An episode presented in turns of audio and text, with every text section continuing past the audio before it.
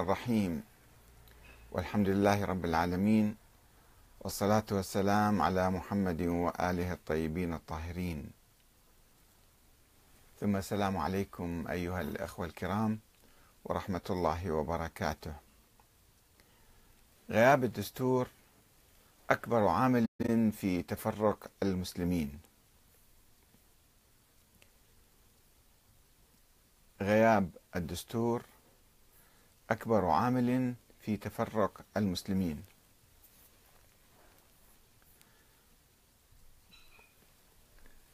ضمن آه، أحاديثنا عن أسباب تفرق المسلمين تحدثنا في حلقة سابقة عن آه، عشرة أسباب. آه، وهي نظريات مختلف المفكرين الذين حاولوا العثور على أسباب آه، الخلاف والتفرقة بين المسلمين ثم معالجة هذا الواقع المؤلم وتوحيد المسلمين. آه، وكان من بينها من أهم الأسباب التي أشار إليها الكتاب والمفكرون اولا البعد عن الدين وحب الدنيا. اثنين التعصب القومي والتنازع الشعوبي. ثلاثة الظلم والفساد السياسي. أربعة الحركات الانفصالية. خمسة الابتعاد عن أهل البيت. ستة الإبداع واتباع الأهواء. سبعة الغلو في أئمة أهل البيت. ثمانية التكفير. تسعة دور اليهود والنصارى والمجوس والمستعمرين. عشرة الطائفية. استعرضنا هذه العوامل في حلقة سابقة بالتفصيل طبعا بصورة موجزة وقد استعرضتها مفصلا في كتابي هذا. لماذا تفرق المسلمون؟ الحقيقة والوهم في الخلاف الطائفي. لأنه من المهم جدا أن نعثر على الأسباب الحقيقية حتى نستطيع توحيد المسلمين. وإذا التهينا في بالأسباب الهامشية والفرعية والصغيرة فسوف نبقى مختلفين ولا نستطيع التوحد. والسؤال الآن آه، ما هو دور كل عامل ما هو دور كل عامل من العوامل الآنفة في تمزيق وحدة المسلمين؟ وهل يستقل كل عامل بدوره أم تقوم كل تلك العوامل مجتمعة في التسبب في الاختلاف والتفرق بين المسلمين وأن بعضها يشكل فعلا ابتدائيا وبعضها رد فعل وبعضها سابقا وبعضها أسبق وبعضها عاملا رئيسيا وبعضها هامشيا أو وهميا. وما هو جذر كل تلك العوامل؟ هل هو العامل السياسي أم الثقافي والفكري أم الاقتصادي أم الديني؟ فإذا آه، نحاول اليوم تقييم تلك الأسباب التي استعرضناها في حلقة سابقة. لماذا تفرق المسلمون؟ في الإجابة عن سؤال لماذا تفرق المسلمون نقول بأنه لا يمكن قبول تفسير الخلافات التي حدثت بين الصحابة واقتتالهم في الفتنة الكبرى بأنها كانت فقط بسبب ابتعادهم عن الدين أو خضوعهم للأهواء والشهوات وابتعادهم عن الكتاب والسنة كما قال بعض المفكرين. إذ يفترض أنهم خير القرون والجيل الذي حمل الإسلام على العالم إلى العالم. كما لا يمكن تعليل تلك الخلافات بالعصبية القبلية بصورة رئيسية يعني. كما ذهب القاضي أبو بكر ابن العربي. ولا يمكن تفسير حدوث الفرقة والاختلاف بين المسلمين بسبب ابتعادهم عن أئمة أهل البيت وعدم تولي الإمام علي وتنصيبه في موقع الخلافة مباشرة بعد النبي كما يقول الشيعة مثلا. لأن هذا التفسير يغفل عن افتراض حدوث المعارضة له من بقية القبائل والزعامات الأخرى. لو كان الإمام علي صاير أول خليفة لأيضا ربما حدثت المعارضة له والخلاف ضده. كما حدث في حياته يعني في فترة حكمه. آه، فضلا عن حدوث الاختلاف بين أبناء الأئمة من أهل البيت فيما بعد ذلك. كما حدث لهم جميعا جميع الأئمة كل إمام يتوفى نشوف أبنائه يختلفون ويتقاسمون الجماعة الشيعية وكل واحد يذهب يمينا وشمالا حيث افترقوا إلى فرق عديدة كالكيسانية والزيدية والإسماعيلية والموسوية والفطحية والمحمدية وهاي كلها أيضا كل فرقة كانت تتفرق إلى فرق وفرق أخرى. تتشرذم دائما. فإذا ولاء أهل البيت لا يكفي لكي يجمع المسلمين. ثم أن الأئمة الاثنى عشر من أهل البيت غير موجودين في التاريخ منذ أكثر من ألف عام. فكيف يمكن نتحد حولهم أو نلتف حولهم حتى نتوحد؟ الآن إذا أردنا أن نقترب من أهل البيت وأن نتولاهم وأن نؤمن بهم هل هل سنتوحد؟ يعني الآن الشيعة هل هم متوحدون؟ الشيعة الذين يؤمنون بهؤلاء الأئمة هل هم متحدون؟ فإذا هذا تفسير غير دقيق في الحقيقة. ومع ذلك فإن الخلافات مستمرة بين المسلمين. وأما قول أهل السنة إن سبب التفرق والاختلاف هو اتباع الأهواء والبدع وخروج طوائف عن نهج السنة والجماعة. فهو أيضا غير صحيح لأن الخلافات العنيفة تفجرت بين الصحابة قبل أن يولد الشيعة الإمامية أو ما يسمى بالرافضة أو أهل البدع والأهواء. فإذا هذا أيضا تعليل غير دقيق. صحيح أن نشوء الغلو عند بعض فئات الشيعة أدى إلى ابتعاد هؤلاء الغلاة عن جماعة المسلمين ولكنهم لم يكونوا يشكلون تيارات مهمة أو فئات كبيرة أو يمثلون عامة الشيعة. وقد انقرضوا أو كادوا. وعلى أي حال فإن افتراقهم لا يفسر أزمة الفرقة والخلاف العامة بين المسلمين.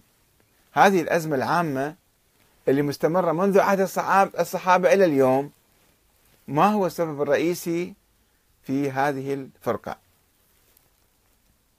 كذلك فإن تكفير الخوارج للإمام علي آه، أو لعامة المسلمين لا يمثل حالة دائمة وشاملة. وقد اعتدل الخوارج بعد حين وأصبحوا إباضية تركوا ذاك التكفير والتطرف. يتجنبون التكفير مما يدفعنا إلى التوقف في الاعتماد على التكفير في تفسير الخلاف بين المسلمين بصورة عامة. ما يمكن يكون التكفير هو العامل الرئيسي في الخلاف بين المسلمين. يمكن التطرف يسبب خلاف في المجتمع ولكن ليس هو العامل الرئيسي يعني. إذ أن التركيز على التكفير يغفل عوامل التوتر والفرقة والصراع بين المسلمين. أي أن المشكلة؟ لا تقتصر على تلك الفرقة الخارجة عن الإسلام أو على المسلمين وإنما هي موجودة وكامنة في كل مجتمع إسلامي سواء كان سنيا أو شيعيا أو إباضيا أو خارجيا.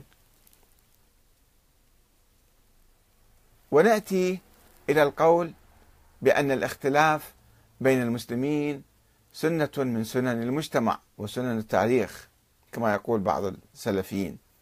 وأنه لا بد أن يحدث عند المسلمين كما حدث عند اليهود والنصارى. هذا سنة. سنة الحياة الاختلاف. فإذا لنسلم لهذا الواقع واقع الاختلاف. هذا الحديث هذا الكلام يعني صحيح إلى درجة معينة. ولكن لا يمكن القول بأنه قدر محتوم من الله. وإلا لما كان الله تعالى قد أمر المسلمين بالوحدة وحبذها إليهم ونهاهم عن التفرقة. واعتصموا بحبل الله جميعا ولا تفرقوا. ولذلك فإن الاستسلام أمام القدر الموهوم يحول بيننا وبين البحث عن جذور المشاكل وتقديم العلاجات الناجعة لها. بعد خلينا نستسلم دائما للفرقة والاختلاف. أما التحليل الذي يلقي بمسؤولية الخلاف والفرقة بين المسلمين على عاتق اليهود والنصارى والمجوس والمستعمرين فهو تحليل يبسط الأمور إلى درجة كبيرة ويغفل عن العوامل الذاتية والداخلية ويعجز بالطبع بعد ذلك عن معالجة الأزمة علاجا صحيحا. وفي نظري إن الفتنة الكبرى لم تنفجر فجأة. وليس بعامل التآمر الأجنبي اليهودي كما يزعم سيف بن عمر في روايته الأسطورية عن دور بن سبأ والتي يذكرها الطبري في تاريخه. وإنما ابتدأت من يوم السقيفة في يوم وفاة رسول الله صلى الله عليه وآله وسلم وذلك بغياب الدستور الذي ينظم حياة المسلمين السياسية. ما كان في دستور عند المسلمين؟ دستور ينظم الحياة السياسية ويحدد من يحق له بالمشاركة السياسية واختيار الخليفة ومن يحق له الترشح للخلافة وكيف تتم عملية الترشيح والانتخاب. هذا ما كان صار شيء صدفة. الاجتماع في سقيفة بني ساعدة حدث فجأة ومبادرة بمبادرة من الأنصار وحدهم من دون المهاجرين. اجتمعوا لكي ينتخبوا أميرا لهم. بغفلة عن المهاجرين. هذا كان فراغ وكان في سبب الأزمة في الحقيقة. وكما يعترف الخليفة الثاني عمر بن الخطاب رضي الله عنه فقد كانت السقيفة التي تم فيها انتخاب أبي بكر فلتة وقى الله المسلمين شرها كما يقول. كانت فلتة هاي عملية انتخاب أبي بكر كانت فلتة. وفي الحقيقة إنها كانت فلتة. لأنها تمت على عجل. وكاد المهاجرون والأنصار أن يقتتلوا فيما بينهم أثناء جدالهم حول من يحق له الترشح ومن هو أحق بالخلافة. ثم اتفقوا على أن يكون المهاجرون أمراء والأنصار وزراء. ولا يبت أمر دون مشورة الأنصار. ولكن هذا لم يحدث فيما بعد. الأمور جرت بعيدا عن الأنصار. حيث أقصي الأنصار عن الوزارة والمشورة. وتم انتخاب عثمان بن عفان أن يكون دون بدون أن يكون أحدهم أحد الأنصار عضوا في الشورى السداسية. الشورى المعروفة بالشورى العمرية السداسية ستة من قادة المهاجرين فقط كانوا من قريش.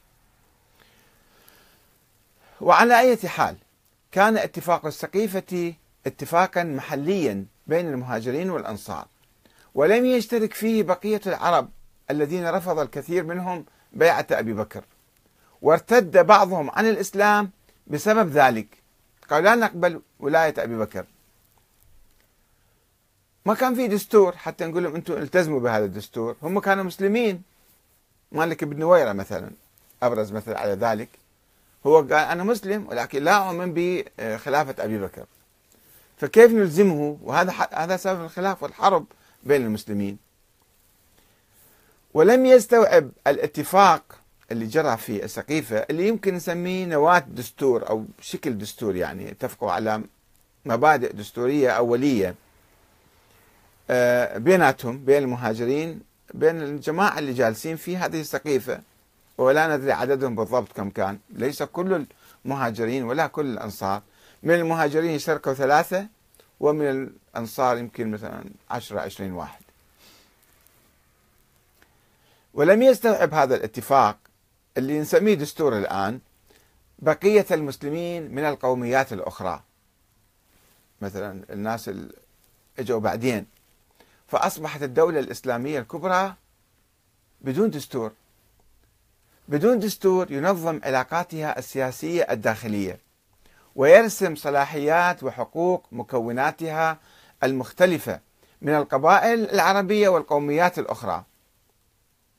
وهذا ما أدى إلى امتعاض العرب القبائل العربية الأخرى من تهميشهم من قبل قريش والأمويين في عهد عثمان. أنه إحنا وين صرنا؟ الحكم صار كله بيد بيد بيد قريش ثم بيد الأمويين. وكانت الثورة على عثمان هي تعتبر ثورة عربية يعني من العرب من القبائل العربية أكثر مما من قريش ولو كان فيها مشاركين بعض المهاجرين والأنصار. لاحظوا وعندما قتل عثمان رفض معاوية تقديم البيعة للإمام علي كما هو معروف. لماذا؟ بحجة أنه وأهل الشام لم يشاوروا في أمر البيعة وقد رد عليه الإمام الإمام علي بأن الشورى للمهاجرين والأنصار هذا كان العرف كان هذا. وليس للغائب أو البعيد أن يرفض أو يحتج. هذا موجود في نهج البلاغة. قال له أنت ما لك حق أهل العاصمة أهل المدينة هم الذين يقررون وهم قد قرروا المهاجرين والأنصار. كما كان الحال في عملية انتخاب الخلفاء السابقين. وبالرغم من صحة التشبيه تشبيه علي أنه انتخبوني الناس اللي انتخبوا انتخبوا أبا بكر وعمر. فأنت ليش تعترض يا معاوية؟ هذا تشبيه صحيح ولكنه أيضا كان ينطوي على مشكلة كبيرة. إلا أن اعتراف معاوية ولا هو يعني استخدمه للتمرد وسيلة وحجة للتمرد إلا أنه كان يمثل وجهة نظر بعض المسلمين خارج المدينة. أنه إحنا ما عندنا دور. وأنتم انتخبتوا خليفة وإحنا ما نعرف. أو يمكن أن يقولوا ذلك. ويعبر عن وجود ثغرة دستورية بالمصطلح الحديث. ثغرة دستورية كبيرة في طريقة انتخاب الإمام يعني انتخاب الحاكم عموما في الدولة الإسلامية الوليدة. أن المسلمين حتى الصحابة ما كانوا منظمين حياتهم بصورة جيدة ومثالية. في هذه المسألة في مسألة الدين ما عندنا نقاش وياهم ولكن في هاي المسألة عرفية مسألة سياسية مسألة اجتماعية. هذه متروكة للناس لكي ينظموا حياتهم كما يشاءون.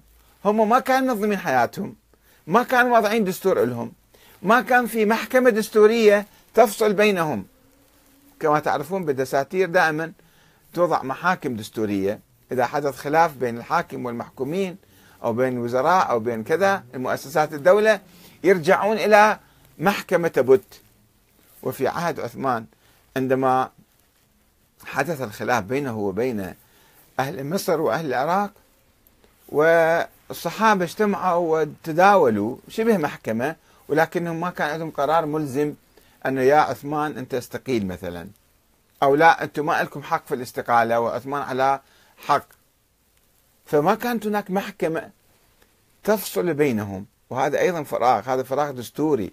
إذا ما في محكمة دستورية تحدث فتنة.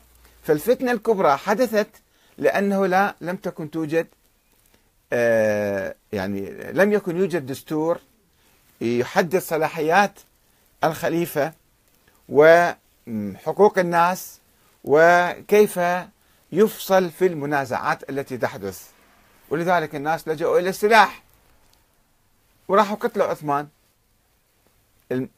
المسؤولية الكبرى تقع على غياب الدستور. هذه كثير من المفكرين والباحثين والمؤرخين عندما يدرسون هذه الأحداث يحاولون إلقاء اللوم على هذا أو على ذاك. أو يبحثون كما سيف بن عمر يبحث عن فد يهودي هو أثار الفتنة. حتى يرتاح. وما ما يرتاحون المسلمين.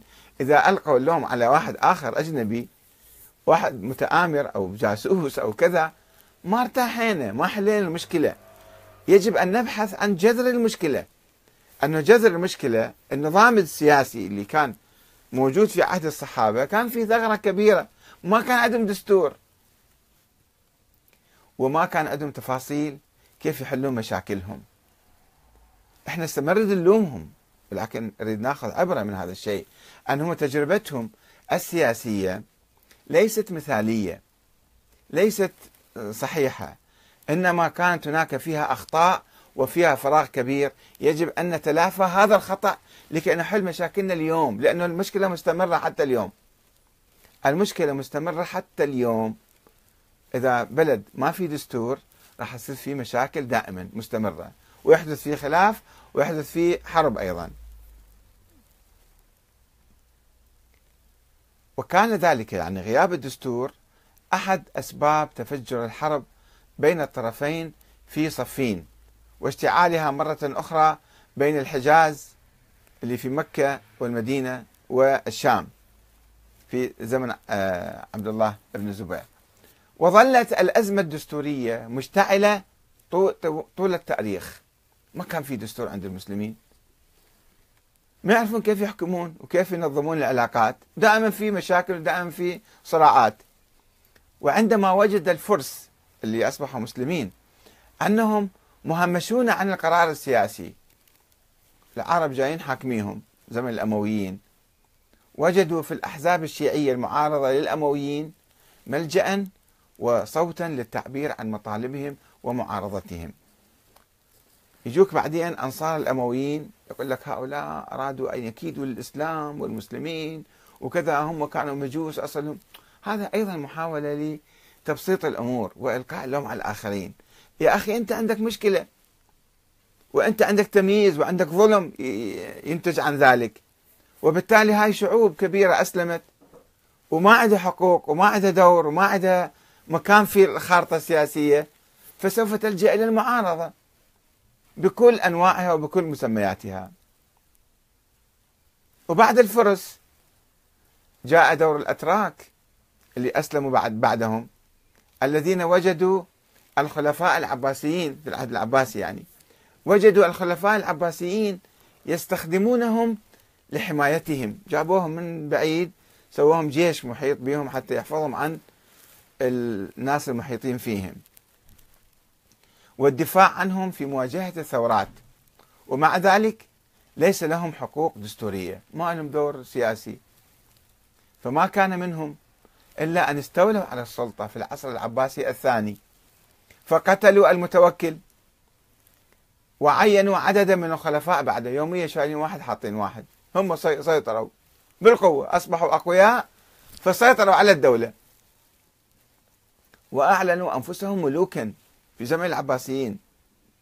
سموا نفسهم ملوك يعني فعلا كانت السلطة بيديهم والخلفاء مجرد واجهة فقط. إلى أن عاد الفرس الديالمة البويهيون في القرن الرابع الهجري لكي يسيطروا على مركز الخلافة العباسية مرة أخرى. يعني في عهد المنصور وهارون الرشيد والأمين والمأمون الفرس كانوا مسيطرين بس بالوزارة ما سيطروا فوق الوزارة. أما في العهد البويهي لا صار السلطة لهم. هم صاروا سلاطين والخلفاء العباسيين مجرد صورة. أيضا يشيلون ويحطون بهم وأخذوا يعزلون خليفة ويعينون آخر إلى منتصف القرن الخامس الهجري حيث أعاد الأتراك السلاجقة الكرة مرة أخرى. لكي يقضوا على البويهيين الفرس ويستولوا على السلطة والخلفاء العباسيين مرة أخرى لمدة 100 150 سنة 200 سنة. إلى أن سقطت الخلافة العباسية وجاء الأتراك هم المغول وبعدين صاروا مسلمين وبعدين صاروا أعلنوا الخلافة باسمهم الخلافة العثمانية. كلها بدون بدون يعني شوفوا صراع قوميات فرس وعرب وترك وبربر يعني ما في دستور يوضح هذه الدولة الإسلامية الكبيرة المترامية ما فيها قانون ينظم العلاقات الداخلية. عندما سيطر الأتراك ما هو موقع العرب؟ العرب صاروا مهمشين فلجأوا إلى الاستعمار الغربي لكي يدعمهم حتى يسووا ثورة على العثمانيين أيام الشريف حسين. والثورة العربية الكبرى. وما أن كانت تسيطر قومية أو قبيلة أو عائلة على السلطة في مكان ما وفي زمن معين حتى تبادر القبائل والقوميات الأخرى لمحاربتها والانقلاب عليها. في دوامة دوامة لا تنتهي من الصراع على السلطة. اقرأ تاريخ الإسلام والمسلمين 1400 سنة. دوامة لا تنتهي من الصراع على السلطة. وهذا سبب رئيسي من أسباب انهيار الحضارة الإسلامية وانهيار الأمة الإسلامية. أن دائما عنده صراعات داخلية. وشوفوا الآن الصراعات موجودة في كل بلد. ما في دستور وما في ديمقراطية حقيقية. في دائما ثورات وانقلابات وصراعات ومعارك. لماذا؟ لأنه آه، في صراع على السلطة. يدمر كل البلاد. الثروات والناس والطاقات. ويدمر البلاد كلها. وإحنا نسير في مسيرة انحطاطية يوم بعد يوم لهذا السبب لغياب الدستور والعدل بين الناس.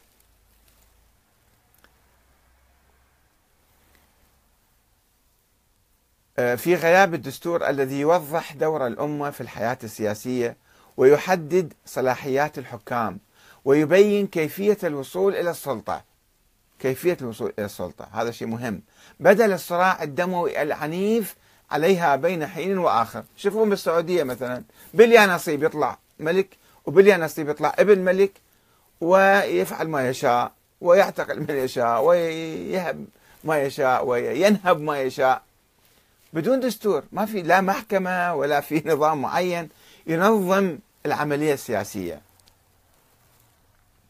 وفي خضم تلك المعارك كانت الحقوق تنتهك والحريات العامة تصادر والدماء تسيل أنهارا وتتفشى العصبيات القبلية والقومية والطائفية والحزبية. لأنه ما في عدل وما في دستور فكل واحد يلجأ إلى جماعته إلى عشيرته وقبيلته وقوميته وطائفته وحزبه حتى يتقوى ويجي يستولي على السلطة. ويسود الظلم والاضطهاد وتكثر البدع وينشط التطرف وتتم عملية التلاعب بالقرآن بعدين. كل واحد يقوم يأول القرآن حسب ما يشاء لكي يدعم نظرياته أو موقفه السياسي. واستخدام الدين أداة في السياسة. إن لجهة تكريس الاستبداد يجيب لك آيات قرآنية أنه أطيعوا الله وأطيعوا الرسول وأولي الأمر منكم ويجب أن تطيعوا طاعة مطلقة. تأويل القرآن. أو لتأليف نظريات المعارضة الثورية. أيضا يجيبوا لهم آيات حتى يقوون موقفهم دينيا. ويتم الغلو في إضفاء العصمة على هذا الحاكم مثلا وصب اللعنات على ذاك.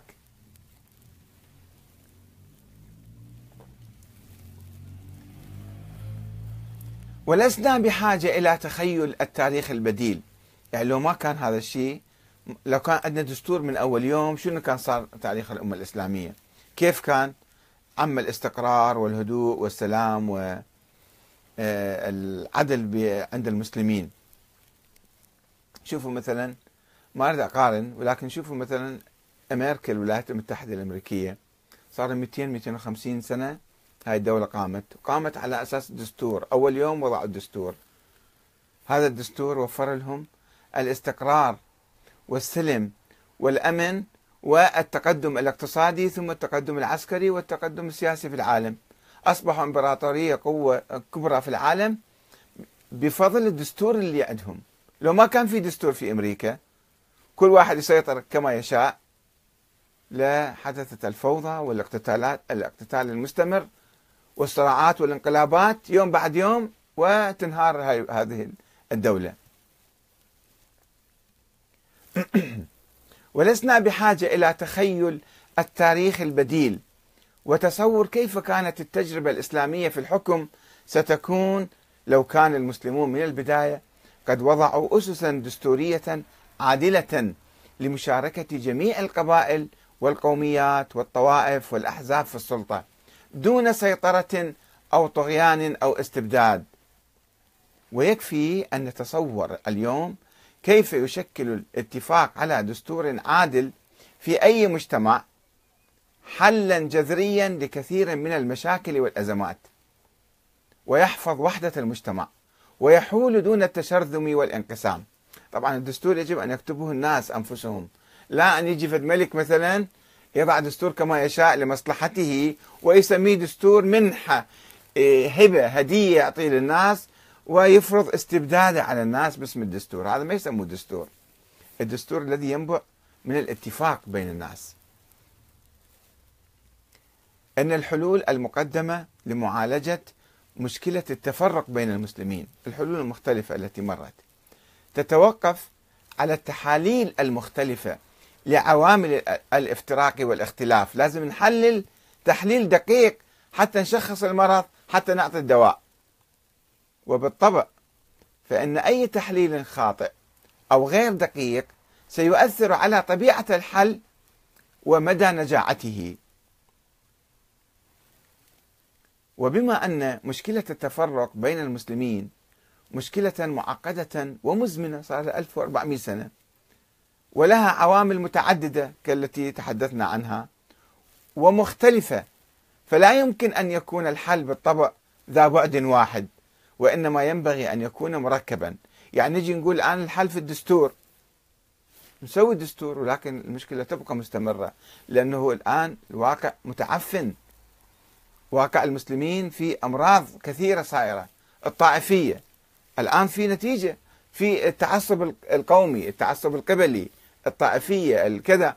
آه، يعني هذه يجب أن نقضي عليها حتى نصل إلى مرحلة مثالية في تطبيق الدستور. وإذا كانت الحلول فلا يمكن أن يكون الحل بالطبع ذا بعد واحد وإنما ينبغي أن يكون مركبا. وإذا كانت الحلول المقترحة قد عجزت حتى الآن عن تقديم الدواء الأنجع. فلأن الحل لا يكمن في دواء واحد وإنما في دواء مركب من جميع تلك الحلول لأن الأزمة عميقة ومعقدة ومتجذرة. أزمة الانقسام يعني. وعلينا أن نأخذ بخلطة الحلول مجتمعة مع بعض ولا نعتمد على بعد واحد أو حل واحد. وهذا يقتضي منا دراسة مشكلة التفرق والانقسام في العالم الإسلامي. دراسة عميقة وعدم تسليط الضوء بسرعة على جانب واحد أو بعد واحد من المشكلة. وإنما على مختلف الجوانب والأبعاد. وقد رأينا أن بعض الحلول المقدمة لمعالجة الفرقة وإعادة الوحدة بين المسلمين تساهم بمزيد من التفرقة وتعميق الجراح القديمة وذلك لأنها لا تقوم على تشخيص واقعي وحقيقي للمشكلة بقدر ما تقوم على شعارات عاطفية أو نظريات مبتسرة. الآن يجيك واحد يقول لك مثلا خلينا ندعو إلى أهل البيت إلى التشيع. يعني هل الدعوة إلى التشيع اليوم راح يوحد المسلمين؟ أو يجيك واحد آخر خلينا ندعو إلى مثلا آه، إلى المذهب السني. هذا مذهب الجماعة. ونفرض على جميع المسلمين. هل هذا سوف يوحد أم سوف يعمق الفرقة والاختلاف؟ فإذا نشوفوا يعني ما لازم إحنا بسرعة نجي نقدم حل معين آه، ببساطة وبسرعة نقول هذا هو الحل. وثم لا نستطيع أن نقدم أي حل للمشكلة.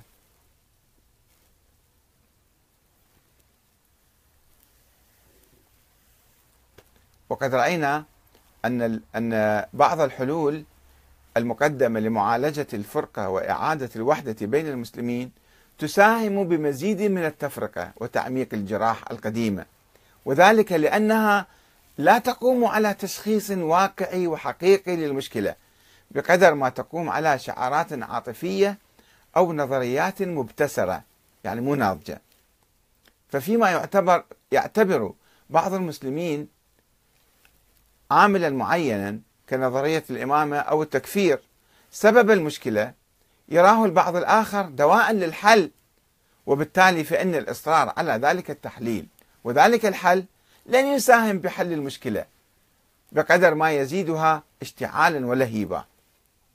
ولذلك لا بد من دراستها بدقة وملاحظة تجربتها في التاريخ كيف كيف جربنا هذا الحل سابقا أو لا. وفي الزمن المعاصر نجرب الحل ونشوف كيف يخدمنا أو ما يخدمنا.